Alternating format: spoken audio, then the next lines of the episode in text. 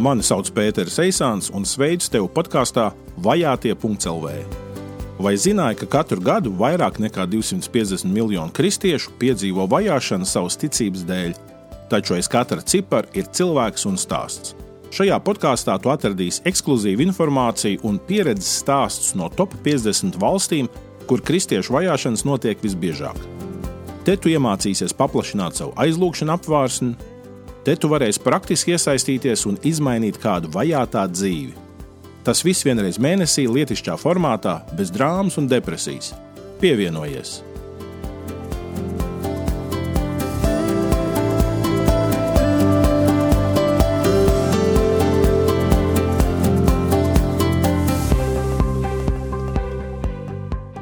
Vajātie.CLV. Šogad šī ir pirmā epizode, un Mūsu plāns ir eh, reizi mēnesī vienu epizodi publicēt, un katrā epizodē esam iecerējuši divas sadaļas. Viena būs informatīvā lūkšanai. Tātad eh, katru nedēļu mēs būsim aicināti lūgt par vienu no top 50 vajātākajām zemēm pasaulē. Mēs šajā mēnesī iedosim minimālo informāciju par katru no šīm valstīm janvārim. Šajā epizodē par eh, Ziemeļkoreju, Afganistānu, Somāliju, Lībiju un Pakistānu.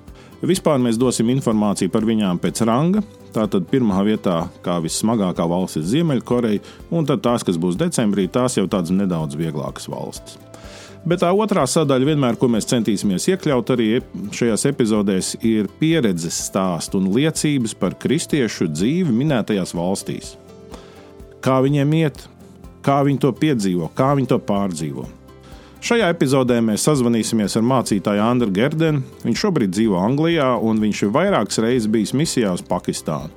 Par to, ko viņš ir redzējis, piedzīvojis, dzirdējis, viņš pastāstīs personīgi. Un, manuprāt, tas jau ir svarīgi. Šie personīgie stāsti, šie, šī personīgā pieredze. Un tādēļ vairs nevilksim garumā, un tūdaļ pat jau ķeramies klāt un mēģinām sazvanīt Andriu Gerdenu.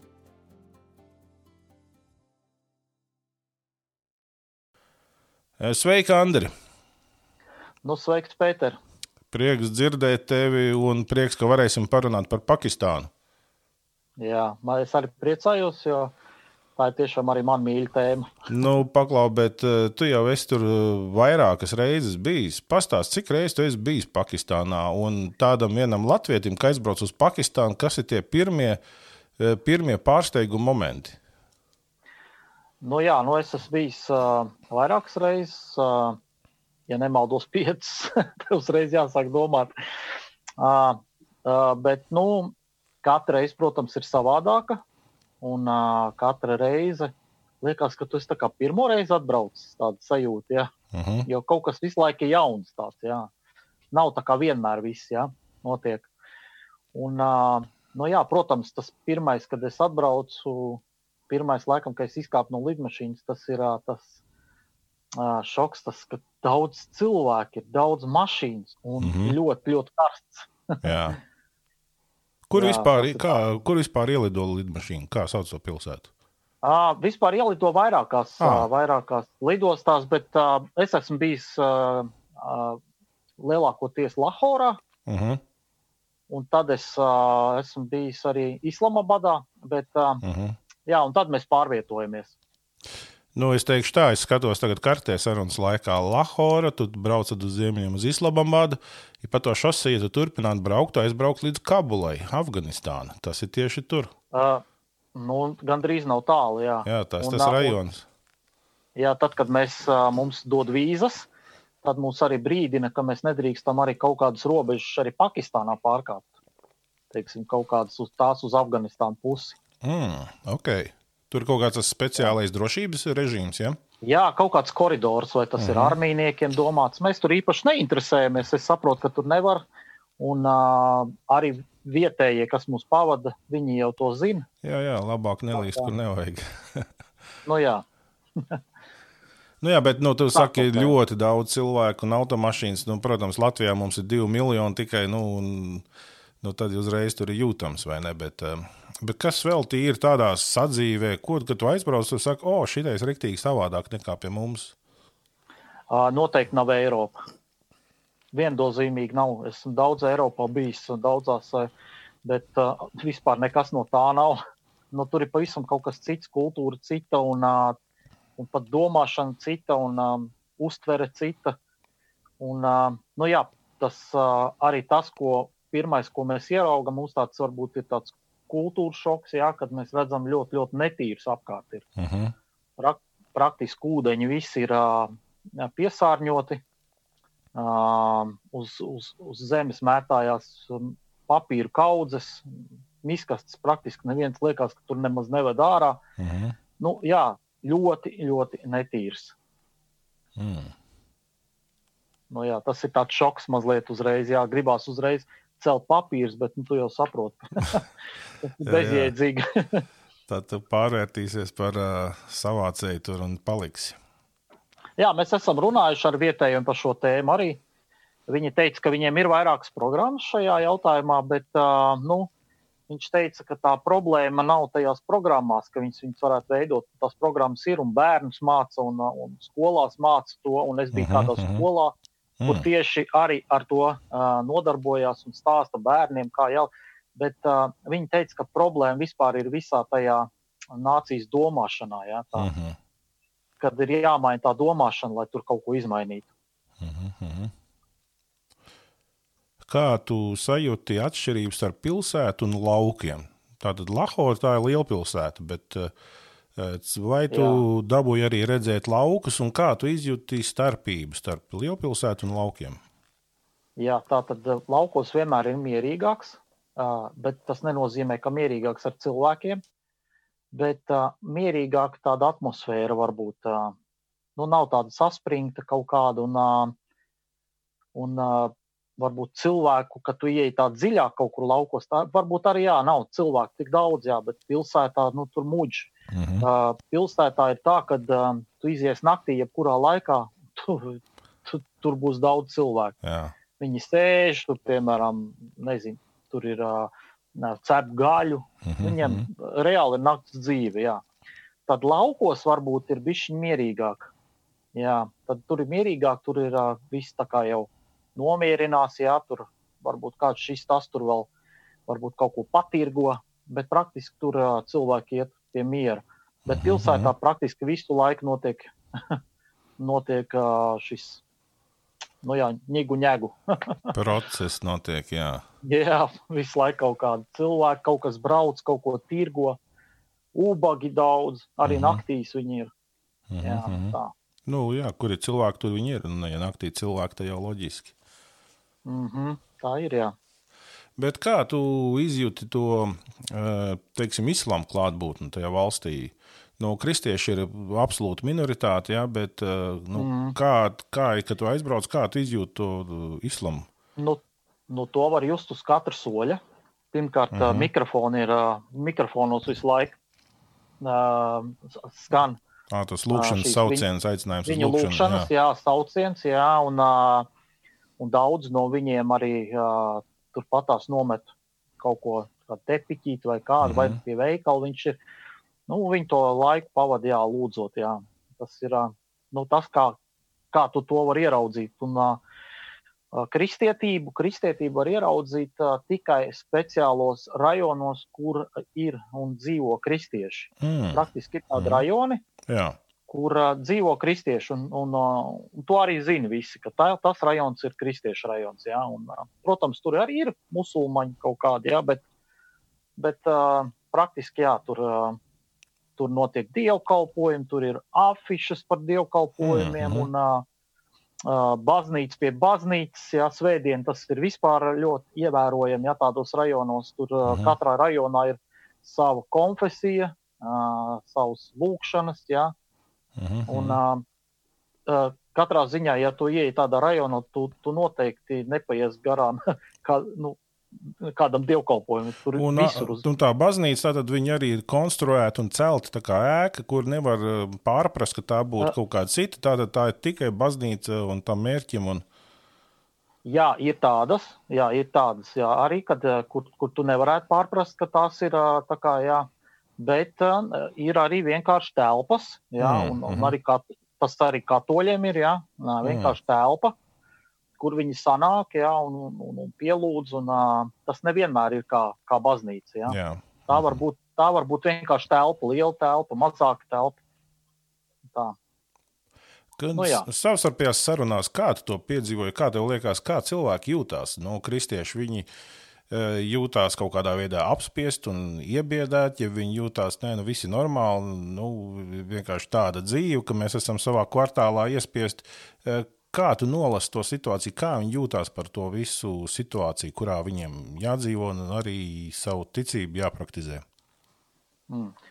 Nu, protams, ā, ir drosmīgi cilvēki, ja, kuri nu, iet un dara, un vienalga viņš neskatās uz neko. Ja, viņš ir drosmīgs, viņš iet sludina, ā, iet, brauc ārpus un iet pa ciemiemiem, ja, un brauc uz musulmaņu vietām un sludina dievu vārdu. Protams, ā, katru reizi viņi tiek apdraudēti, bet tad, kad mēs kaut kur braucam vai mēs kaut kur ejam, mēs katreiz novērojam, ka mums ir līdzi uh, apsargi, Mm. kuriem ir ieroči, jā, kuri apsargā mūs. Varbūt kādam tas liktos priekš kam. Vai tad tev nav dievs? Es nezinu, es viņam neuzdodu šo jautājumu. Es saprotu, ka viņi labāk zina. Tātad viņi nav jūs nolikt, bet vienkārši valdība uh, parūpējas, lai ar ārzemniekiem nenotiek kaut kāda problēma. Ja? Ha, uh, nē, tas, uh, tas tā nav. Nē, tev pašam ir uh, teiksim, jāmaksā par to. Ah, okay. Ir, jā, te, teiksim, es, es par to nemaksāju. Maksā tas, kas man ir uzaicinājis. Uh -huh. vai nu, vai nu viņam jau ir kāds pazīstams, kuram mm. ir šī atļauja. Mm. Un tas arī tās atļaujas arī tādas, ka tas, kam ir atļauja, viņš arī nevar braukt visur, kur grib ar to ieroci. Uh -huh, uh -huh. Viņam ir konkrēta telpa kaut kāda, Jā. nu, nu, tāda pilsēta, ja, Jā, kur jā. viņš, ne- ja viņš brauc ārā un viņi noķer to ieroci, tad, tad, tad viņam var sanākt nepatikšanas. Mhm. Uh -huh. Mums bija tāds viens gadījums, kur bija mums viens apsargs, mēs citu nevarējām dabūt. Mm, Mēs bijām aizbraukuši uz dievkalpojumu, un kāds izsauca policiju. mm. Uh, un, uh, un tur atbrauc policija. Un, un jūs neticēsiet, un tas apsargs viņš pieskrēja manas sievas un iemet manai sievai somiņā uh, ieroci. Un es viņam prasu, ko tu dari? Viņš saka, jūs nepārbaudīs. Nu, tas tā interesanti, jā.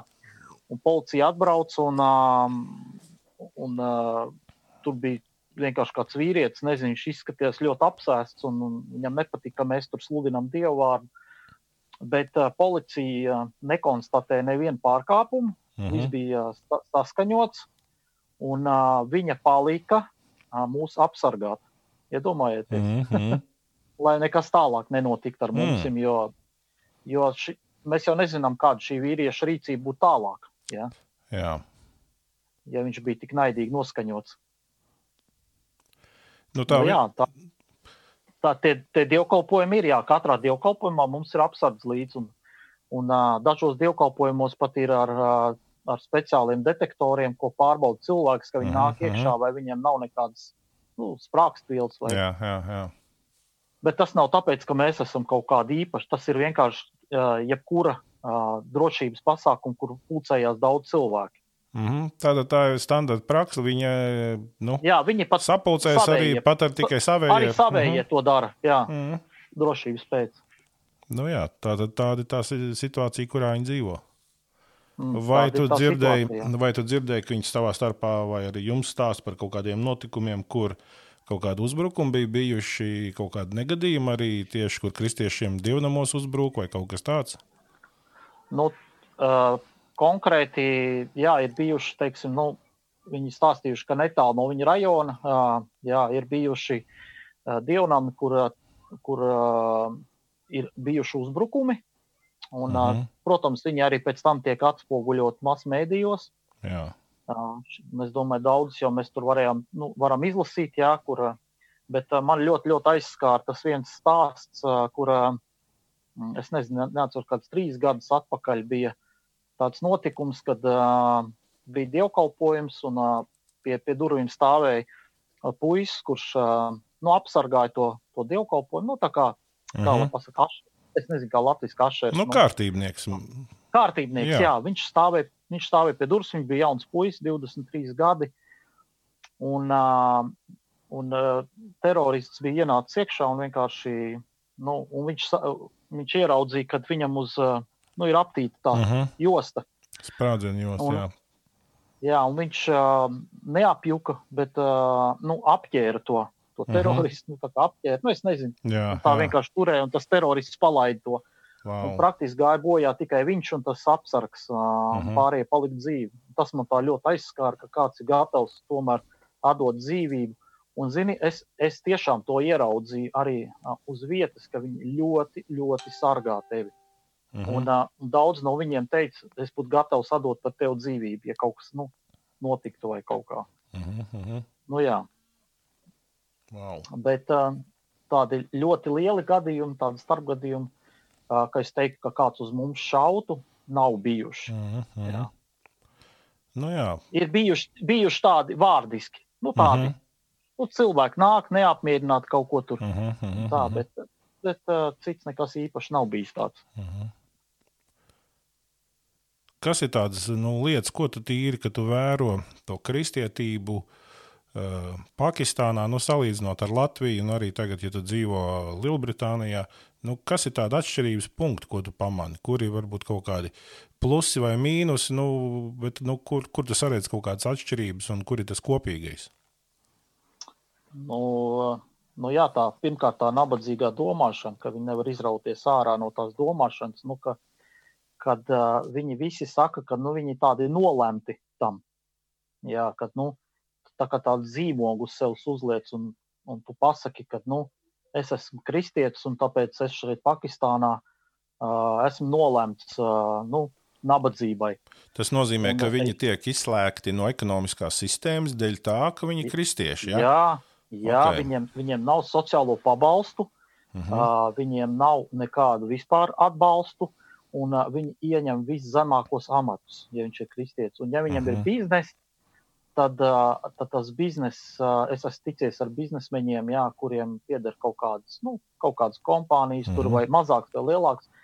Un viņi saka, ka uh, praktiski mm, musulmaņi aicina uh, savējos nākt pie savējiem un kristieši uh -huh. pie kristiešiem, bet viņš saka, ka uh, musulmaņi jau ir vairākums. Nu, ja. Un līdz ar to viņa biznesa ir uh, Viņš saka, nu tā, uz, uz izdzīvošanu. Uh mhm. -huh. Jā, nu, diemžēl nu, tas ir tā, ka viņiem, jā, tas ir, nu, Eiropā varbūt tā nav. Jā, ja tu esi kristietis, tad uh, tu tomēr esi vienlīdzīgs. Uh, Vienalga, kādā tu būtu jā, jā. reliģijā. Jā. Nu, mums jau diezgan ties, nu, spēcīgi nostiprinātie likumi, kas aizliedz vispār diskrimināciju pēc mm. rases, tautības jā. vai reliģijas. Un, no tā. Nu, jā, tur, diemžēl, tas viss ir. Nav, nav atstrādāts, un arī uh mhm. -huh. diez vai kāds tur īpaši grib to ar to nodarboties. Jā, nu tā, viņiem, tā viņi dzīvo. Jā, nu kas, nu, viņiem ir ļoti grūti pacelties dzīvē. Viņiem nav izglītības. Jā, ja, ja musulmaņi tad dod saviem, uh, saviem uh, bērniem izglītību, -huh. ja kaut kā cenšas, ja tad kristieši dzīvo nabadzībā, viņi praktiski daudz viņi pat lasīt nemāk. Uh mhm. -huh ne viņu lasīt, ne viņu rakstīt māku, un tādu viņi izaug. Un, protams, ka viņas nekur neņem, un viņi nevar izrauties dzīvē. Un, uh, tas, ir, tas ir arī mērķis, uh, ko mēs patreiz darām. Mēs arī atbalstam mm. uh, kādas kristīgas skolas, atbalstam, uh, un tur ir kristīgi skolotāji. Mēs viņiem maksājam kaut kādu aldziņu un mm -hmm. uh, sagādājam kaut kādus materiālus. Un, uh, Bet uh, šīs skolotājs nav vienkārši no kaut kurienes. Viņas ir akreditētas, nu, tā kā mm -hmm. viņam ir mhm. dokumenti, ka viņas Jā. var pasniegt. Un, Un, uh, un arī tie skolnieki, kas tur mācās, viņi var nolikt eksāmenus, un uh, līdz ar to viņiem ir kaut kāda papīra uz rokas. Bet, ja viņiem nav finansējuma, valsts finansējumu nedod uh, šādām skolām, un līdz ar to viņiem jāmeklē palīdzība no malas. Ir. Mm -hmm. nu, tā. Jā. Un atkal viens tāds diskriminācijas punkts, ko mēs redzam. Tas ir absolūti. Tur, tur uz katru soļu viņš ir. Mm -hmm. Tur uz katru soļu ir diskriminācija. Jā. Diemžēl tas tā notiek. Nu, uh, Uh, viņi to droši vien izjūt labāk nekā mēs, uh, atbraucot uz pāris uh, nedēļām. Ja?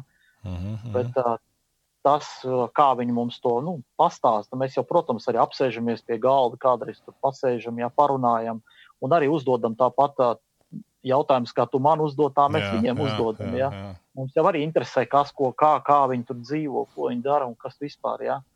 Nu, tā viņi vienkārši, nu jā, nu, viņi vienkārši nu, atklāti runājā par tām savām problēmām. Jā. Bet nu, tie, kas ir izraujušies, Un, uh, man ir draugi, kuri ļoti labi dzīvo un laba ģimene, un uh, es neteiktu nabadzīga. Uh, un tāds es arī vairāk satiku arī biznesā cilvēkus. Uh, nu, ne, viņi labi dzīvo, jā, mm -hmm. viņiem ir viss ok. Kaut kā viņi izraušies, bet uh, tas mans draugs konkrēti, uh, viņš teica, ka viņa mamma bija, uh, bija pavāre uh, kādam -hmm. anglim, ang, angļu kaut kādam, nezinu, kas, kas viņš bija. Un uh, tas angļu uh, cilvēks, viņš teica, nu, dod šurp man to savu dēlu, es viņam iemācīšu angliski, jā. Un, mm. iemācīšu, iemācīšu kaut kādas pamatas dzīvē. Mm -hmm. Un viņš teica, tikai pateicoties tam, ka viņš iemācīja viņam uh, angliski un iemācīja rakst, rakstīt un lasīt, uh, šodien viņš var būt tas, kas viņš ir. Nu, jā. tā, jā. Tas ir interesanti. Tā ir. Ka, mums uz zvaigznes stāsts. Zvaigznes austrumos ir nu, tā partnerība tur Indijā, Kalkutā, un viņiem arī tieši tā viena no tām stratēģijām, ko viņi dara, viņiem ir tur no tām grūtajām vietām, viņi pulcina dažus bērnus, un uh, izglīto ar to domu. Nu, ilgtermiņā viņos ieguldīt, jā, lai pēc jā. tam viņi var būt tas uh, nākamais pakāpiens, ka viņi var būt ekonomiski jau citā līmenī un izglītībā, un pēc tam viņi varētu savās kopienās jau būt par svētību, jau iet atpakaļ kā līderi un, un, un tie, kas palīdz citiem rāpties ārā. Jā, tas tā ir, tā ir laba stratēģija, bet uh, viņi ļoti grūti uzturēt ir, jo tāpēc, ka, nu, tev kā, piemēram, ja tu esi kā sponsors, tad, mm -hmm. te, nu, kā, tad tu tev gadiem apmēram ir jāiegulda tajā. Tas nav vienkārši Jā. atnācis vienreiz noziedoja un Tieši aizgāja. Tā. Bet uh, mēs esam jau, nu, vienai skoliņai jau kādus trīs gadus jau mēs ziedojam, jā, un mm -hmm. tur, nu, un šogad viņiem bija jāmaina telpas, un viņiem nebija kur iet, viņi bija izmisus, un uh, mēs atradām, nu, viņi atrada, kur izīrēt, un mēs vienkārši mm -hmm. apmaksājām to, to īri. Un, uh, nu, tad viņi varēja arī turpināt to visu. Un, uh, Un, protams, ka mēs aizbraucam tur, tad mēs visu pārbaudām. Kā jau nu, latvieši visi jāpārbauda. Jā, jā, jā, nu. un es, vispār, es esmu vispār ļoti tendēts uz pārbaudīšanu. Uh -huh. Es nezinu, es tā neesmu, ka es visam uzticos un, un visu vār, vārdam. Tāpēc varbūt tas bija viens no iemesliem, kāpēc es spēlu šo soli un braucu uz turieni. Uh -huh. Jo tā nebija tikai mana nauda, tā bija Tieši arī tā. citu nauda, ko, kas tur tiek ziedot, un man tas bija jāredz un mm. jāiepazīstās vispār, kas un kā. Bet, tas tas uh, impuls lielam, ir pazīstams. jā, pa lielam, pa lielam uh, es teiktu, ka uh, ir, ir ok. Nu, mm -hmm. Tur varbūt kaut kādās niansēs, jā, viņi tur bija kaut ko tur bišķi tur to naudu pabīdījuši šur tur, bet uh, viss bija Dieva darbā. mm -hmm. nu tā, nu jā. Bet mēs diezgan stingri ar viņiem par šo runājam, kā, kā jāizlieto šie līdzekļi. Uh, Jo redzi, arī kristietis nabadzībā viņš var nepareizi soļus izdarīt, kad viņam mm -hmm. iedod kaut kādu konkrētu summu. Ja? Un, tāpēc ir jābūt uzmanīgiem. Ja? Un es arī, arī personīgi pazīstu tos cilvēkus, ar kuriem es sadarbojos. Viņi nav, nu, viņi nav kaut kādi internetu cilvēki, vienkārši, mm -hmm. kur man mhm. uzrakstīts. Jā, ja? jā. Es viņus pazīstu personīgi, esmu bijis pie viņiem mājās, runājis, esmu redzējis viņu ģimeni, viņu apstākļus. Nu, tā. mm -hmm. Nu, skaidrs, bet eh, vai tev Pakistānā ir bijuši kaut kādas, nezinu, kāda epizode, kur tu esi izjūtis milzīgu prieku? Tu esi bijis nu, priecīgs līdz, nu, nu, cik vien var būt, vai ne? Un vai arī ir bijusi kaut kāda situācija vai notikums, kas tev ir eh, milzīgas tādas, nu, no sāpes un, un, un tādu nu, bēdas sagādājis? Mm -hmm. Nu, laikam prieks ir tad, kad uh, tu noorganizē lielo dievkalpojumu Jā. Un ka tur saved ar autobusiem neticīgus cilvēkus, un uh, tu viņiem sludini Dievu vārdu. Un uh, gala rezultātā tu dod viņiem iespēju arī pieņemt jēzu kā savu glābēju. Un, uh, dažreiz cilvēki varbūt uz to skeptiski skatās, bet mums, nu, mums ir norganizēts, ka katrā autobusā ir pavadonis. Uh mhm. -huh. Un braucot mājās, viņš uh, pajautā tiem cilvēkiem, kurš šodien pieņēma jēzu. Uh mhm. -huh. Tātad, ja viņš saka, ka viņš ir ieaicinājis jēzu savā sirdī, tad katrā autobusā viņš iet uz konkrētu rajonu. Mm. Un uh, konkrētā rajonā uh, ir uh, mācītājs, kurš uh -huh. ir mhm. atbildīgs par šiem cilvēkiem. Tātad tie cilvēki tiek uh, aicināti svētdienā apmeklēt uh, dievkalpojumu. Uh mhm. -huh. bet, bet ir vēl viena problēma. ir daudz sievietes, kuras pieņem jēzu un aiziet mājās. Viņas to nesaka savam vīram, mm -hmm, yeah. jo, jo viņas var būt apdraudētas. Jā, un mm tad arī ar to arī paliek, kad viņas ir pieņēmušas jēzu, un tā viņas arī dzīvo savā, nu, mēģina tā slepus ticēt, jā, tā mhm, slepus mhm, ticēt, jā. lai vīrs neuzzina par to. Nu, diemžēl, jā, tas ir tāds, bet vienalga tas ir prieks. Tas ir prieks, ka tu esi nu, izdarījis kaut kādu darbu, ja, kas tomēr kādu pieved tuvāk dievam, vai, vai, vai vēl labāk, kad viņš atstās šo dzīvi, ka viņš uh, varēs sastapties ar, mm. ar Jēzu. Jā. Visbēdīgāk ir tad, kad mēs nu, aizbraucam uz ķieģeļu fabrikām un uh, tur ir uh, verdzība, jā, tur ir reāla verdzība, un cilvēki domā, kā šodien kaut kas tāds var notikt. Uh, 21. gadsimta verdzība. Jā, Smagi. diemžēl, diemžēl tā ir verdzība, jā, kur cilvēki ir, ir iekļuvuši parādos. Un, uh, kā viņi to ir izdarījuši, tas ir ļoti viegli.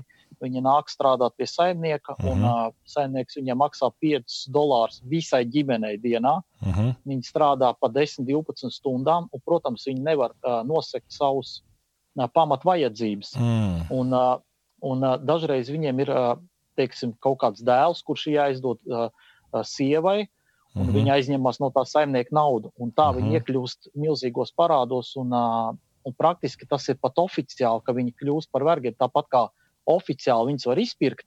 Mm -hmm. Tas ir tas, ko mēs darīsim no janvāra. Ja? Mm -hmm. Mēs uh, mazāk centrēsimies uz barošanu, bet uh, pirksim kristiešu šārā no šīs verdzības.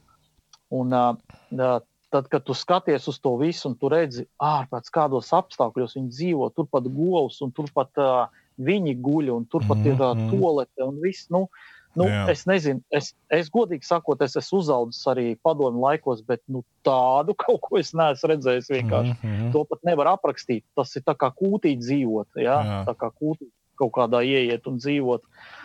Un, uh, Un, uh, es nezinu, nu, nu jā, es, es, es stāstīšu, tāpēc, ka es to stāstu katru reizi. Es jau to jā. esmu arī publiski stāstījis, kad bija viena kristiešu ģimene, kur uh, pateica saimniekam, viņš bija, nu, viņš bija musulmanis, jā, mm -hmm. pateica, ka viņi ies prom un ka viņa atmaksās viņiem parādu, tad, kad viņi dabūs darbu citur un uh, sapelnīs. Un viņi savāca savus mantas un devās pa ceļu, un uh, šis saimnieks lika viņus noķert, un uh, viņus uh, sagūstīja mm -hmm. un uh, iemeta iemeta ceplī iekšā, nu, dzīvus. Ja? Mm -hmm. Diemžēl nu, tas tā, nu, es nezinu, tas varbūt citam tas liekas, jā, tas stāsts, kāpēc tu to stāsti, bet tam, tas, tas ir jāatdzīst cilvēkiem, kā tā situācija tur ir. Un, uh, tur ir, un tajā dien, uh, nākamajā dienā apcietināja 20 cilvēkus, ja, sakarā ar mm -hmm. šo. Un, uh, un pēc trīs dienām viss atlaida, un vēl joprojām neviens nav vainīgs. Nu, wow. Situācija situācija smaga, jā, mm. tādā ziņā, ka tev pat nav nekādas aizstāvības. Jā. Absolūts beztiesiskums. Pilnīgi, jā, tur uh, it kā apcietina visi, jā, mm. bet uh, pēc trīs dienām visi ir brīvībā un neviens nav vainīgs, un šai dienai viss uz brīvām kājām. Un tā šī ģimene nav, jā, šī ģimene aizgāja jā. pie Jēzus, bet, uh, diemžēl, tāds skumjš stāsts, jā, un katru reizi, kad tu aizbrauc uz turieni, tu, tu dzirdi dažādas stāstus, kad, kā, kad, um, siev, sievietes tiek pakļautas arī izvarošanai. Ja? Un, mm -hmm. Tad, kad es eju gar, eju gar sētu, es, nevar, es, es, es nevarēju saprast, kāpēc viņiem ir augšā uz, uz, uz mūriem sasists pudeles, mm -hmm. sabatonēts tāds nu, tā kā asums uz augšu. Un es vienreiz prasu, tas tā kā jums tā kā dzeloņdrāts, es teicu, nu, ka, kam tas domāts ir? Nu, un, uh, viņi mums teica, jā, ka uh, tās sievietes, kurām pat nav varbūt blakus pat aizstāvis, jā, pat tēvs nav vai uh mhm, vīrs uh mhm. -huh. nav vai neviens, jā, tad ir tādi nu, vīrieši, nelieši, uh -huh. kuri mhm. vienkārši lien un izvaro viņus. Uh -huh. Un viņi teica, ka tas nenotiek vienreiz, tas notiek patstāvīgi. Uh -huh. Un uh, viņiem nav ne durvju, jā, nav durvju, tā tad durvju priekšā ir tikai aizkars. Uh -huh.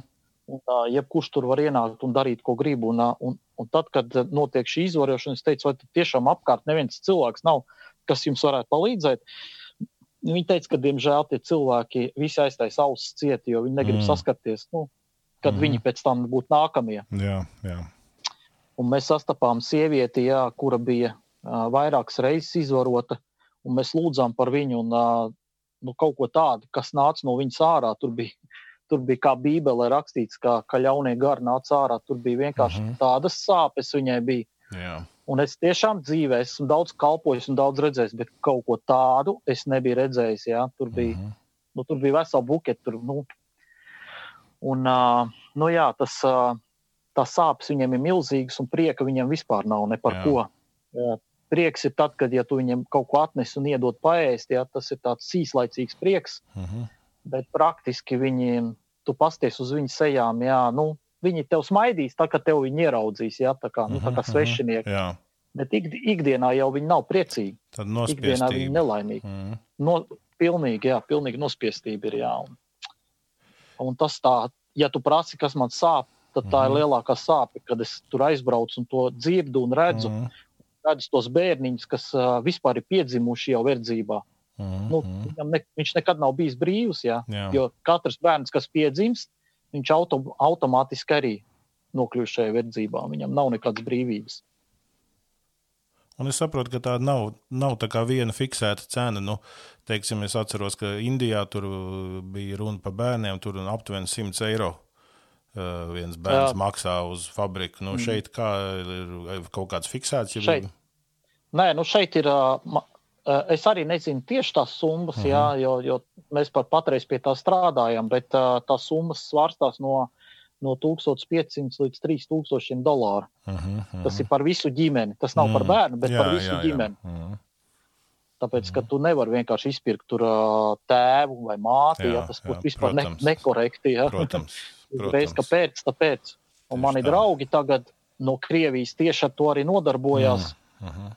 kad uh, viņi uzsākuši, uzsākuši jau arī to, ko es sapņoju iepriekš. Viņi ir uzsākuši tieši, un viņi jau kaut kādas septiņas ģimenes jau pa pus, šito ne, pat nav pusgads, kāds trīs mēneši Mm -hmm. kopš sākuši to darīt. Jā. Jā, jā. Bet ar to jau nebeidzās. Tiek. Tā kā tu izpētes, tev ir uh, jānodrošina vesels mēnesis viņiem iztika, Mm tad ir uh, jāizīrē viņiem uh, kaut kāds mājoklis. Jā. -hmm. Un, uh, protams, uh, atbildīgais par to ir mācītājs. Mm -hmm. Jā, kad viņas, tas, kas tur ir, kas, kas Vietējais. viņus uzrauga, tos kristiešus. Mm Jā, tas, kas, uz, kas ir tev ieteicis, kurus tos kristiešus vajag izpirkt. -hmm. Un uh, es esmu strādājis ka, arī kopā ar tādiem, uh, kuri jau ir izpirkti. Mm. Un es jums teikšu, nu, kolosāli cilvēki. Es jums pateikšu tā, viņš ne soli no tevis neaiziet. Saprot, viņam ir tāda, viņam ir tāda, viņš tā kā, nu, viņi, viņi uz tevīm skatās kā tāda pateicība, ja, ka Mm, tu esi atbraucis un ka tu turpini kaut ko Jā, darīt. Un, jā, jā. un daudz no viņiem vienkārši kļūst par taksistiem, ar, Mm. mm. ar, riča, ar uz ričām strādā. Jā, jā. Jā, jā. Uh, daži vienkārši kaut ko, daži biznesa kaut kādas maziņas Mhm, uh, mhm. atver. Bet, nu, protams, jā, mums ir jāsaprot, ka tā domāšana jau arī strādājot jāmāc. verdzībā. Jāmāc. Jā, tur ir jāmāca, un tas ir vesels. Un tāpēc, uh, kuras ģimenes izpirkt, to tikai zina mācītājs. Mm Vienkārši Mēs uzticamies tiem cilvēkiem, jo viņi tur brauc un sludina viņiem. -hmm. Jā. Nu, paldies, Andri, par to, ka tu pastāst mums to, ko, nu, ja mēs paši tur neaizbraucam, tad mēs nemaz nevarētu zināt, jo par to jau Jā. Latvijā neparādīja īsti pastāst, ne televīzijā. Un, Ne, arī tur avīzēs nerakst par Tieši to. tā, tieši tā, tur jau tā lieta. Bet um, arī nu, podkāstu mērķis ir, uh, nu, lai Latvijā draudzēs cilvēki varētu zināt, kā labāk uh, lūgt. Vai tu varētu arī kaut kāds, nezinu, divus, trīs punktus nu, pateikt no savas puses, nu, tad, kad Latvijā janvārī tagad uh, cilvēki lūgs draudzēs vai personīgajās lūgšanās, kas varētu būt Jā. tādas divas, trīs lietas, ko vajadzētu tiešām Dievu priekšā nest? Nu, tas ir tā pirmā, tā apspiestība, es domāju, tā viņu, jā, mm. kas ir tā nedrošība, apspiestība, jā, un uh, to, kad viņi uh, diskriminēti tiek, jā, Mm. tas ir varbūt tāds viens punkts, ko mums vajadzētu visiem tiešām lūgt, un, uh, nu, un tad, uh, lai tad Dieva vārds tur iet plašumā, jo Mhm. šajos gados ļoti daudz tur ir uh, izmainījies, kas uh, ne jau tāpēc, ka es tur esmu braucis, bet vienkārši tāpēc, ka uh, tiešām tur ir tāda, nu, zinām, atmoda sākusies, kad uh, cilvēki sāk uh, vairāk pieņemt jēzu, un viņi redz to netaisnību visu, jā, un arī, arī musulmaņi, viņi jau Jā. arī redz netaisnību, un tāpēc viņi arī uh, pāriet, jā, viņi, un, un uh, daudz citas lietas tur notiek, jā, Mhm. un uh, tur, tur pat bija, es tā ātri varbūt izstāstīju. Jā. Tur bija viens tāds stāsts, kad, kad uh, tēvs bija, paic, uh, tēvs bija pieaicinājis uh, mācītāju, bet viņš bija musulmanis. Bet, Mhm. mm -hmm. Viņš teica, ziniet, es gribu, lai jūs lūdzat savu dievu, un viņš, viņam bija slimība, un viņam praktiski bija jānomirst. -hmm. Un, uh, viņš teica tā, viņš teica, ja jūs lūgsiet savu dievu, un viņš mani izglābs, es jums atdošu savu dēlu. Iedomājieties, Mhm. viņš tā. Un dēlam, ja, cik viņam bija, tā, tā, kā, nu, viņš bija tāds, man liekas, kāds 18 gadu viņam Mhm. bija. Viņš teica, es jums viņu atdošu kalpošanā. Ne jau Jā. tā atdošu, jā, kalpošanā Jā, atdošu. jā. Un, uh, iedomājieties, un viņš pēc kaut kādiem diviem mēnešiem pilnīgi bija dziedināts. Jā? jā Un, uh, Dievam. un, un es to dēlu satiku. Jā? Mm -hmm. Un, viņš, un, un es viņam teicu, es viņam teicu, izstāsti, kā tu atgriezies. viņš teica, man jau nav ko stāstīt, tēvs man atdeva šeit. nu, tā kā, jā. Bet uh, arī neskatoties uz to, viņš uh, pieņēma jēzu kā savu glābēju, Mm -hmm. redzot visu to. Un, Protams, Jā. kalpo konkrētai uh, baznīcai, Mhm, mm -hmm. konkrētai, jā, tur. Nu tā, tas tā ir interesanti, jā. jā. Nu, tad, jā, tad viens, ko mēs, tad, ko mēs varam, tad mēs lūdzam par, par, par to apspiestību, jā, to Par atmodu arī tu teici. par atmodi, jā, un, un ā, ļoti svarīgi ir, jā, ā, kad viņiem ir drosme sludināt, jo, Mhm. mm -hmm. nu, daudz, protams, viņi arī nesludina, tāpēc, ka viņiem ir bail, Mm -hmm. un viņi, viņi pat nevar muti vaļā, Mm -hmm. un, bet viņi to gribētu darīt, bet, nu, savas drošības un ģimenes dēļ, tā viņi to nedarīja. Jo tāpēc, ka daudz no viņiem nedzīvo kristiešu rajonos mm -hmm. tikai, jā, viņi Mhm, dzīvo mhm. pa visu, pa visu valsti. Jā.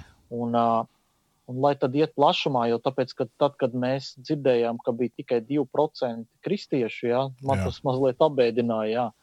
Bet tagad, kad mēs bijām pēdējo reizi, viņš teica, ka statistika esot, es nezinu, kā viņi to statistiku ir dabūjuši, bet viņš teica, ka slavu Dievam, ka statistika esot mainījusies. Mm. Valdība, protams, par to nerunā, bet Jā. kāds to ir izpētījis, ka tur jau ir 15%. Es Mm. teicu, wow, no 2 uz 15. Jā, bet tas ir kaut kādā ilgā laika posmā. Tas nav Jā. tikai tā vienkārši. Uh, visu laiku tiek pasniegts, kad ir Mhm. tikai 2%. Bet viņš teica, patiesībā ir 15%.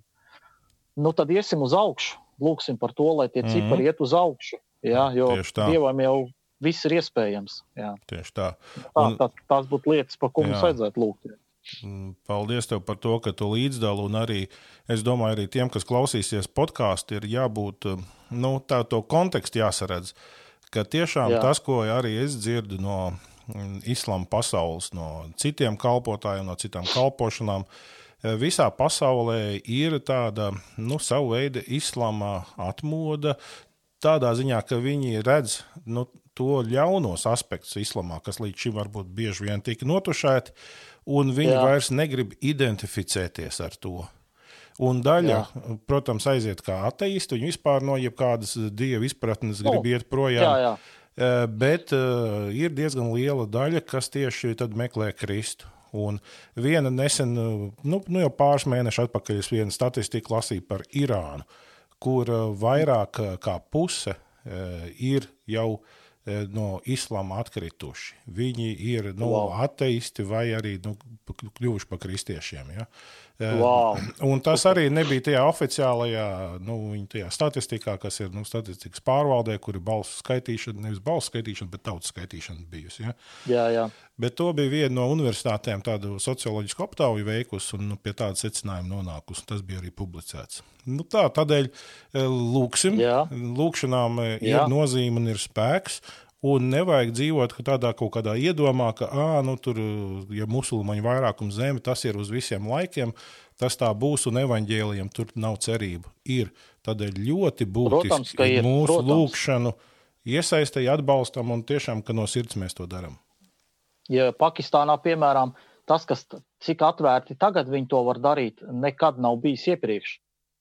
Viņi paši to saka, ka tagad ir daudz, daudz uh, atvērtāk. Uh, Nu, viņi redz. var iet un sludināt, jā, Nu, un redz. ka viņiem arī da, nav, daudz, nav tik daudz uzbrukumu vairs, mm -hmm. kā mhm. bija iepriekš. Ir viņi, Jā. bet nu, nav tā, kā viņi bijuši iepriekš. Jā. Tieši tā. Tāpēc Tā pa, kā paldies tev progress ir. tiešām, ka tu pastāst. un Tas eh, ir tur ne tikai tā informatīvā daļa, ko tu sniedz, bet arī tas uzreiz dod tādu eh, cerību un prieku lūgt, redzot, ka oh, tā mana lūkšana var būt tā, Jā, kas to jā. svaru kausu nopietni nosver par labu evaņģēlījumam, un evaņģēlīju uzvarēja tur tajā zemē. Jā, un viņi arī forši lūdzēja. Viņi arī lūdz par mums. Jā, nu, forši. Nu. Par, par saviem draugiem. Viņi lūdza, es te vienu dienu biju slims, un uh, es Jā. viņiem aizrakstīju. Man nebija kam aizrakstīt. Es, viņi teica, kā tev iet, es teicu, es esmu slims un guļu gultā. Viņi saka, nesatraucies, mēs tuliņās lūgsim par tevi. Un es jums teikšu, es no rīta piecēlos, un es biju pilnīgi vesels. Dure? Domā, ko gribi. jā, jā, jā, tieši tā. Tieši tā. Jo viņi, kad lūdz, viņiem nav tā, zin, kā tu, nu, viņi tā rītīgi dedzīgi, tā, nu, jo, mm -hmm. jo viņi, kad tic, es jums godīgi, ot, to mums vajag paņemt. Mm -hmm. Viņi, kad tic, tad to pat acīs var redzēt, un lūkšanās, un visā mm -hmm. var redzēt tajā būtībā, yeah. nu, ka viņi pilnīgi, nu, tā kā. Tā kā liekas, ka tas jēzus, jēzus viņiem būtu tā, ot, viņi būtu apķēruši viņu. Nu. Mm -hmm. Mēs tā varbūt tā kādreiz tā, nu, tā vēsi kaut kā tā nesapratām. Kā ziemeļnieki. Viņi, jā, jā, bet viņi to, to forši, tas nenozīmē, ka skaļi vai kā, jā. bet kaut gan viņiem tur viss skaļi notiek. Jā. Bet, uh, bet, kad tu redzi, ka viņam acis spīd, jā, jā, jā. Un, uh, un visi viņi nāk ar, kas ir, nu, kas ir ticīgi, viņi nāk uz dievkalpojumu ar bībeli rokās. Mm -hmm. ja? Es te vienreiz biju aizmirsis bībeli. Eju uz dievkalpojumu, aizmirsis bībeli, jā. bet viņiem visiem bībeli ir labi, mm. ka ir vēl telefons, ko jā, paņemt jā, jā, rokās. Un... nu, tā ļoti, mm. jā, ļoti tā iedvesmo viņi. Arī, arī paši tevi iedvesmo. Tas nav tāpēc, ka es tagad aizbraucu mm. un es te mm. kaut kas esmu. Godīgi sakot, es esmu vairāk uh, paņēmis nekā atdevis, jo tāpēc, ka arī pašu tevi tas maina. Jā, sapratni tā. maina, jā. uztveri maina, uh, mm. garīgumu maina. Mm. Jā. Un, sa un saprast, paklausies, par ko es čīkstu vispār mm. dzīvē. Jā, jā. Nu tā, jā, kaut kādas lietas. Jā. Šī nu, tā. ir viena no lietām, kas notiek, kad cilvēks, ja viņš dodas misijā, citā kultūrā, citā vidē, viņam redzējums ļoti tiek iespaidots. Ļoti. Jā, jā. Es, es domāju, ka es ļoti, ļoti daudzas lietas esmu pārvērtējis savā dzīvē, arī, arī uh, varbūt arī sludinot. Uh mhm. -huh. Jā, kaut kādas lietas, kuras esmu pilnīgi sapratis savādāk, uh -huh. esot mhm. tur. Jā. Un uh, ir pat brīži tādi, kad, uh, piemēram, uh, li, likās tā rakstvieta, ja, kā, var, kā var uzplēst jumtu un kaut ko nolaist. Uh mhm. -huh. Es aizbraucu uz Pakistānu, man bija pilnīgi skaidrs, kā tas ir izdarāms. jā. Jā. Pilnīgi skaidrs, kā jā. tas ir izdarāms. Jā, jā. jā. Nu, daudz lietas uzreiz Bībelē. Jā. Jā. jā, un tu uzreiz saproti, jā, kā, tas, kā tas notika. Jā. Mm -hmm. nu, tā, interesanti. Jā. Nu, redz, nu, pozitīvi, Andri, lai Dievs tiešām svētīja arī tevi. Nu, tagad tu aizbraukt nekur nevarēsi, bet to, ko tu dari no savas māju vietas, lai Dievs tev svētīja. Un, Eh, sekosim nu, līdzi vispār, un sekosim tev šit... Facebookā. Tev var sekot, redzēt, uh, Andris Jā, Gerdens. Vispār varētu lūgt par šito te, jo tāpēc, ka martā mēs esam nolikuši, ka mēs gribam aizbraukt. Mm. Iespējams ir tas, uh, jo tie reisi iet uz turieni. Ah, okay. Kara, karantīnā tur nav jāsēž nekādā. Okay. Jeb, nu, bet, uh, nu, nu, tas gan var mainīties, jā, bet tā, tā tad marts. Mainīties. Tagad Marts, janvārī jā. tātad lūdzam par to, lai martā jā. Andris ar komandu varētu, vai viens pats, kā jūs tur sarunāsiet, varētu doties. Mēs, un... Tas arī ir interesanti. Pirmo reizi mēs ņemsim savu meitu līdzi. Šoreiz nebūs mm. komanda, bet būs mana ģimene tikai. Uh -huh, uh -huh. Es gribu vienkārši to, es gribu to nodot saviem bērniem. Nu, man arī bija pirms pāris gadiem privilēģija savu meitu uz Jordāniju paņemt. Un... Mm. Jā, tas arī atstāja savu zīmogu. No tāda, Vai ne? jā, tas ir. jā. Nu, Tā kā lūdziet par to, mm jā. Okay. Labi, Andri, paldies tev un jā, paldies. lai Dievs svētī līdz nākamajai reizei. Nu, lai Dievs svētī. Visu labu. Visu labu. Paldies Andrim Gerdenam par sarunu. Es nezinu, kā jums, bet mani šī saruna ļoti uzrunāja un iedvesmoja. Un Eh, katrā gadījumā sekosim līdzi, ja būs kāda jauna attīstība. Ja izdosies eh, Andrim ar eh, ģimeni aizbraukt uz Pakistānu, tad arī dzen, šeit podkāstā mēs par to ziņosim un sekosim līdzi notikumiem. Bet nu mums vajadzētu pāriet pie nākamās daļas, kas ir saistīta ar informāciju par aizlūgšanu, kā lūgt par šīm vajātajām valstīm, no vajātajiem kristiešiem šajās zemēs.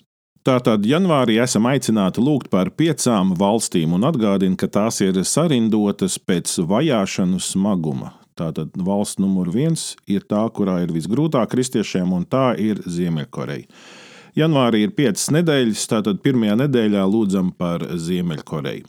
Ja jūs esat kāds vadītājs mazajā grupā vai arī draugs vadītājs, un jūs gribat draudzē, piemēram, svētdienā aizlūgt, tad es teiktu tā, tad pirmā svētdiena ir 3. janvāris, lūdzam par Ziemeļkoreju, 10. janvāris, tad lūdzam par Afganistānu, 17. janvāris lūdzam par Somāliju, 24. janvāris lūdzam par Lībiju, 31. janvāris lūdzam par Pakistānu. Šīs piecas valsts janvārī aizlūgšanās. Parasti šajos informatīvos blokos mēs centīsimies divās vai trīs minūtēs pateikt galvenās lietas par katru valsti. Eh, šoreiz par Ziemeļkoreju varbūt nedaudz eh, vairāk, jo tā ir jau 20 gadus eh, kristiešu vajāšanu līderi. Podkāstā pie apraksta, tur teksta sadaļā jūs redzēsiet, es arī ielikšu linku par vienu ziņojumu, par cilvēktiesībām un reliģiskām vajāšanām Ziemeļkorejā. Tur ir 117 liecinieki aprakstījuši, viņi ir intervēti, viņi aprakstījuši, kas notika ar viņiem, kā viņi tika spīdzināti, kā viņiem darīja pāri, kā viņus mēģināja pāraudzināt. Un, Eh, tas ir angļu valodā. Jūs varēsiet paši nedaudz vairāk par to iepazīties, ja angļu valoda jums no tādas kristiešu vajāšanas, eh, varētu teikt, tādas nopietnākās, eh, Korejā sākās 1866. gadā, kad vairāk simti katoļu tika nogalināti, un arī protestantu misionāri zaudēja savu dzīvību. Un, un tas bija tāds, varbūt tāds iezīmīgs pagrieziena gads, kas nu, parādīja tādas vajāšanas tieši Korejas puselā. 1907. gadā bija kristīga atmoda Poņjangā kas ir eh, galvaspilsēta, kristieši kļuva arvien populārāki, jo viņi pretojās Japānas okupācijai. Eh, līdzīgi kā Romas impērijas laikā, kad kristiešiem teica, nu, tad jums vajag eh, upurēt imperatoram, kas ir nu, dievu vietnieks zemes virsū, tad šeit Korejas kristieši atteicās zemoties Japāņu imperatoru priekšā, un līdz ar to viņi kļuva ļoti populāri tautā, bet nu, arī caur to bija viņiem kādas ciešanas. 1945. gadā, gadā, kad eh, Korejas pusēla tika sadalīta starp ietekmes sfērām, starp Padomju Savienību un Ameriku, eh, tad eh, bija aptuveni pusmiljons kristiešu Ziemeļkorejā. Un interesanti ir tas, ka abi divi Ziemeļkorejas diktatora un autokrāra valdnieka vecāki, Kim Il-sunga vecāki, bija kristieši. Bet tagad Ziemeļkoreja ir autokrārs režīms, tur ir uh, Eh, valdnieks, kas eh, visu pakļauj savai personīgai kontrolei. Eh, kristiešiem tas ir ne tikai reliģisks, arī sociāli un ekonomiskie aspekti, kas viņus apspiež, un arī vēl tīri tāda kultūra, kas īpaši vēršas pret sievietēm, kur ir tāda vīriešu dominējoša un sievietes apspiedoša kultūra. Visbiežāk tie, kas mēģina bēgt no Ziemeļkorejas, to dara nu, pāri Ķīnas robežai. Un šeit ir tā situācija, ka nu, savu veidu krievu rulēta tur ir, ka nezinu, kas tev tādā robežā eh, pārējā sagaida. Jo tur darbojas no vienas puses cilvēku tirzniecības mafija, kas eh, nu, to dara par naudu, un viņiem ir tikai merkantīls intereses. Un, eh, tad, ja sievietes ir tās, kas grib pārbēgt, tad viņām parasti arī ir ļoti nu, nepatīkami blakus efektam visam procesam. Otrs grupējums, kas darbojas tur uz robežas, ir kristieši un viņi mērķiecīgi cenšas palīdzēt saviem ticības biedriem tikt uh, brīvībā. Un tad, kad cilvēks uh, mēģina tikt ārā no Ziemeļkorejas, nekad skaidrība nevar zināt, kurā grupējumā tu nonāksi un kurš uh, tev palīdzēs tikt pāri. Un tas ir liels riska faktors. Bet pateicoties šiem pārbeidzējiem, arī ir, ir pieejama kaut kāda informācija par to, kas notiek Ziemeļkorejā. Un tie, kas vēlaties uzzināt vairāk, izlasiet to linku, ko es arī esmu ielicis apraksta sadaļā. Tā, kas tad ir tā pieejamā informācija par Ziemeļkoreju, tāda pamatinformācija?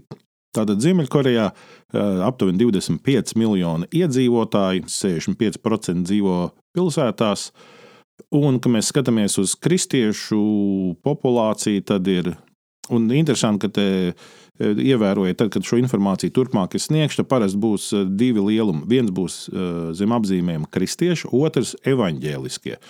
Nu, tādēļ, kad vairāki ziņu avoti tieši tā arī sadala, tad arī es tā to uzskaitīšu. Un, un, kas ir zem kristiešiem? Nu, parasti tur ir katoļi, tur var būt arī ortodoksie un evaņģēliskie. Nu, tur ir, teiksim, baptisti, pentekosti, harizmāti, varētu būt ar metodistu. Un, un šeit ir tā situācija tāda, ka kā kristieši ir uzskaitīti 1,48%, un evaņģēliskie ir 1%.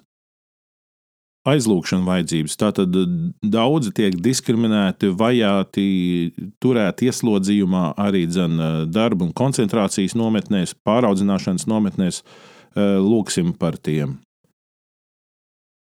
Lūksim arī par evanģelizācijas centieniem caur radio un satelīta televīziju. Un vēl arī dzen, dienvidu korejiešu kristieši mēdz dažādus traktātus, evaņģēlijas, gaisa baloniem palaist gaisā, ar cēlgāzi piepildīt balonus, un tad kaut kur valdošie vēji to nes, un tad viņi kaut kur tālāk nolaižās Ziemeļkorejā. Tā arī ir viena no metodēm, ko viņi lieto. Jo, ja gribētu cilvēks pats iešmugulēt Ziemeļkorejā kristīgo literatūru, tur pat varētu būt nāves soda draudi. Tātad janvāra pirmajā nedēļā mēs aizlūdzam par Ziemeļkoreju. Janvāra otrajā nedēļā mēs lūdzam par Afganistānu. Afganistānā ir 32 miljoni iedzīvotāji, un 25% dzīvo pilsētās, pārējie dzīvo laukos. Afganistānā tikai 0,05% ir kristiešu, Un evanģēlisko ir tik maz, ka vispār viņu statistikā nu, neparādās gandrīz kā vienība. Tur ir neliels skaits, bet eh, viņi ir ļoti, ļoti mazi. Interesanti ir tas, ka eh, Afganistāna ir cilšu valsts. Šeit ir 41 valoda, tiek lietota. Lielākās gan ir paštu Eh, un dārī, kas ir nu, no persiešu valodas atvasinājums. Un eh, ir ziņas, ka it kā nesot neviena kristīga baznīca Afganistānā. Man pat grūti noticēt tiem, eh, tā informācijai, ko es lasu, bet kontrastā ir 48,000 mošejas. Un lūksim Dievu par to, lai tā kristiešu minoritāte, kas tur atrodas, viņi varētu pastāvēt, lai arī viņi tad, kad viņi ir vairāk un priekšā, lai viņi paliek uzticīgi. Un arī dzen, lūksim par tiem centieniem, arī ar mūsdienu tehnoloģijām, kas ir ar internetu, ar radio un arī satelīta televīziju saistītas, lai tās varētu nest augļus. Vēl viena lieta, ko pie Afganistānas gribētu pieminēt, ir tā, ka, ka mēs skatāmies informāciju pasaules tādu, no statistikas apkopojumu, tad visvairāk vajātā reliģiskā grupa ir kristieši. Bet eh, pavisam drīz jau uz pēdām ir musulmaņi. Un eh, šeit pie Afganistānas tieši komentārs par to, kā tas nākās, kad arī musulmaņi ir nu, tieši starp tiem, kas tiek visvairāk vajāti. Un interesanti arī šeit, pieņemsim, viens no tādiem etniskiem grupējumiem, kas šeit Afganistānā ir Hazāri. Viņi ir šie musulmaņi no mongoļu izcelsmes, un Un pēdējā laikā viņi ir tikuši ļoti no sunīta Talibāna puses vajāti, un ir pat no tāds etniskais genocīds ir noticies. Un interesanti, ka tieši viņi tādēļ, dēļ šīm vajāšanām, arī kā tāds etniskais nu, kopums ir kļuvuši atvērtāki evaņģēlījiem. Un tā ir viena no lietām, ko atkal un atkal islāma pasaulē mēs bieži vien pamanām, ka tad, kad brāļi vajā savus brāļus, tad tas ietekmē viņus, un uh, vēlāk tas var novest pie lielākas atvērtības evaņģēliem. Janvāra trešajā nedēļā mēs lūgsim par Somāliju.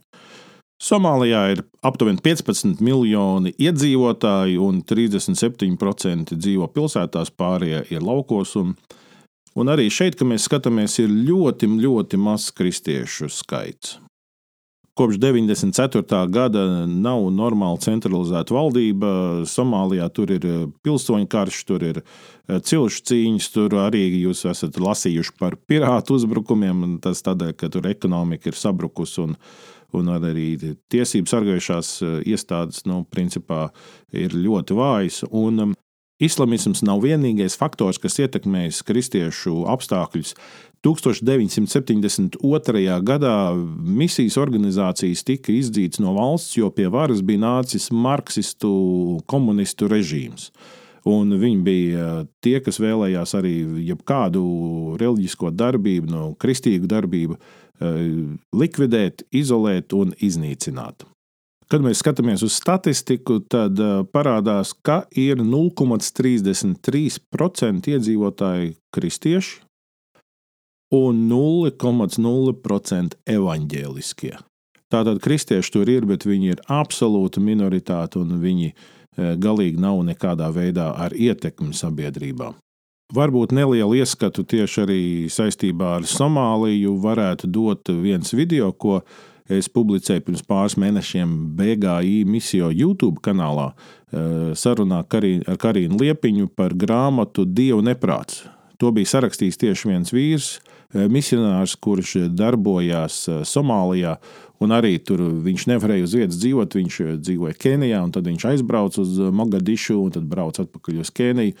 Un, tas varbūt arī varētu sniegt arī nelielu ieskatu par tiem iespaidiem, kas viņam bija no Somālijas. Tātad janvāra 4. nedēļā mēs lūdzam par Lībiju. Lībija atrodas Āfrikas ziemeļos, un interesanti ir tas, ka Eh, aptuveni 7 miljoni iedzīvotāji, bet eh, gandrīz 80% dzīvo pilsētās. Un es pats Lībiju esmu redzējis tikai pārlidojot, un interesanti, ka es lidoju no misijas Kenijā un lidmašīna gāja uz Šveici. Un tad es sēdēju pie loga un es skatos, es redzu Sahāras tūkstnes. Un Sahāras tūkstnes izskatās aptuveni tā, kā izskatās Eh, Baltijas jūrā, jūras dibens, tad, kad eh, nu, tie vilnīši ir izveidojuši eh, tos mazos vilnīšus, tad no nu, smilšu vilnīšus. Ja? Un tad, kad bērnībā man ļoti patika nirt ar vaļajām acīm un, un, un uz to skatīties.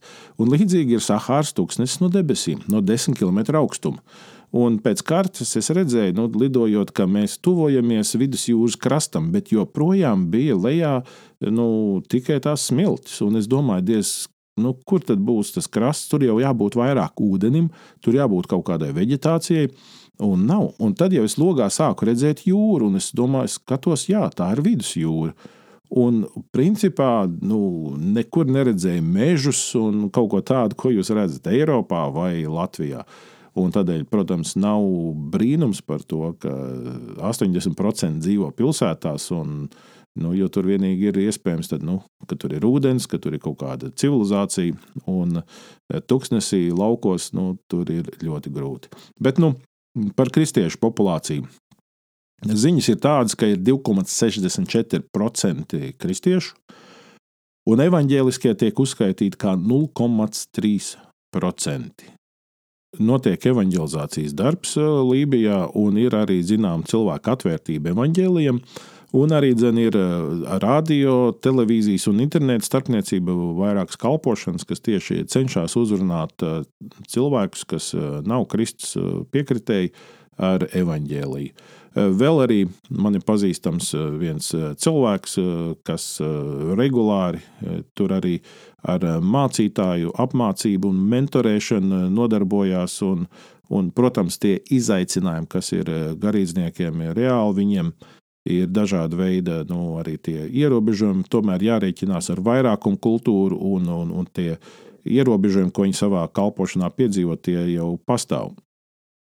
Vēl viens faktors, ar ko viņi spiesti rēķināties, ir pilsoņu karš. Nu, par pilsoņu karu to varētu dēvēt nosacīti, jo aiz katra grupējuma stāv kāda ārzemju ietekme, un tādēļ nu, tas militārais konflikts ir reāls, bet Eh, nevarētu teikt, ka tur tikai un vienīgi tautieši karo savā starpā, bet karš ir uz viņu zemes. Janvāra pēdējā nedēļā mēs lūdzam par Pakistānu. Pakistānā ir 184 miljoni iedzīvotāji, 37% eh, dzīvo pilsētās, pārējie dzīvo laukos. Un eh, informācija par kristiešiem ir sekojošā. 2,45% ir kristieši, un evaņģēliskie tiek uzskaitīti kā 0,6%. Un no sarunas ar Andriu jūs jau atceraties, ka viņš teica, ka ar vienu pieaug kristiešu skaits un ka tā atvērtība evaņģēlijam pēdējo gadu laikā patiesībā diezgan stipri pieaugusi. Un tas ir fakts, un šie dati ir vairāk kā desmit gadu veci, skatos, ap, jā, aptuveni desmit gadi. Un līdz ar to tā situācija varētu būt arī, ka mainās. Par lūkšanu vajadzībām bišķīt jau Andris minēja savā sarunā. Vēl es gribētu pieminēt to, ka lūksim par arī radio, par televīzijas un interneta starpniecību ir vairāk arī tādi evanģelizācijas projekti, lai tie nes savus augļus. Un tieši kā vajāšana grūtība, kas ir ļoti spēcīgi izplatīta Pakistānā, ir tā saucamie zaimošanas likumi. Kad eh, kādu cilvēku, kas nav musulmanis, ļoti viegli var apsūdzēt eh, islama zaimošanā un pateikt, nu, lūk, viņš tur zaimoja Korānu, viņš tur zaimoja Muhamedu, ļoti bieži kaut kāds tīrs sadzīvisks konflikts tiek pat, pat pavērsts tādā rakursā. Uh, Un, um, un uzreiz ir nu, cilvēki reaģē, reaģē ļoti asi. Nu, ļoti bieži tad ir uh, linča tiesa un uh, nemaz netiek līdz kaut kādai valsts tiesai. Bet arī valsts likumi ir ļoti, ļoti kristiešu minoritātei nedraudzīgi. Un um, nu, ļoti bieži šie likumi tiek arī nu, nepareizi izmantoti. Uh, jāsaka tā, ka politiķi mēģina, ir arī kādi, kas mēģina kaut ko tur labot, un lai tie likumi būtu taisnīgāki. Taču nu, nu neveiksmīgi, jo agri vai vēl tas tikai laika jautājums, ka šis politiķis vai nu zaudē dzīvību, vai ir tiek tā iebiedēts, ka viņam ir jāklusē. Tā situācija ir diezgan, diezgan nospiedoša un smaga tieši dēļ šiem zaimošanas likumiem, kas tur ir spēkā. Tādēļ lūksim par kristiešu minoritāti Pakistānā. Šo janvāra epizodi noslēgsim ar vārdiem no Bībeles, no vēstules ebrejiem 13. nodaļas. Atcerieties tos, kas cietumā, it kā paši būtu tiem līdzi saistīti. Atcerieties arī tos, kas pakļauti ciešanām, jo paši būdami miesā, esat pakļauti ciešanām. Reiz Latvijā mums bija režīms, kas vajāja kristiešus. Šobrīd mums ir brīvība. Kā būs vēlāk, to nezinām. Bet šobrīd, kamēr ir brīvības laiks, lūgsim un iestāsimies par tiem, kas tiek vajāti ticības un savu uzskatu dēļ daudz vairāk nekā mēs. Paldies tev arī par uzmanību! Ja tev liekas šis podkāsts noderīgs, tad eh, iesaki to arī citiem savā draudzē, mazajā grupā vai kopienā un lai esam ar atvērtāku skatu pret uh, pasauli, kas ir ap mums, un kristiešiem, kas cieš. Visu labu! Līdz nākamajai reizei!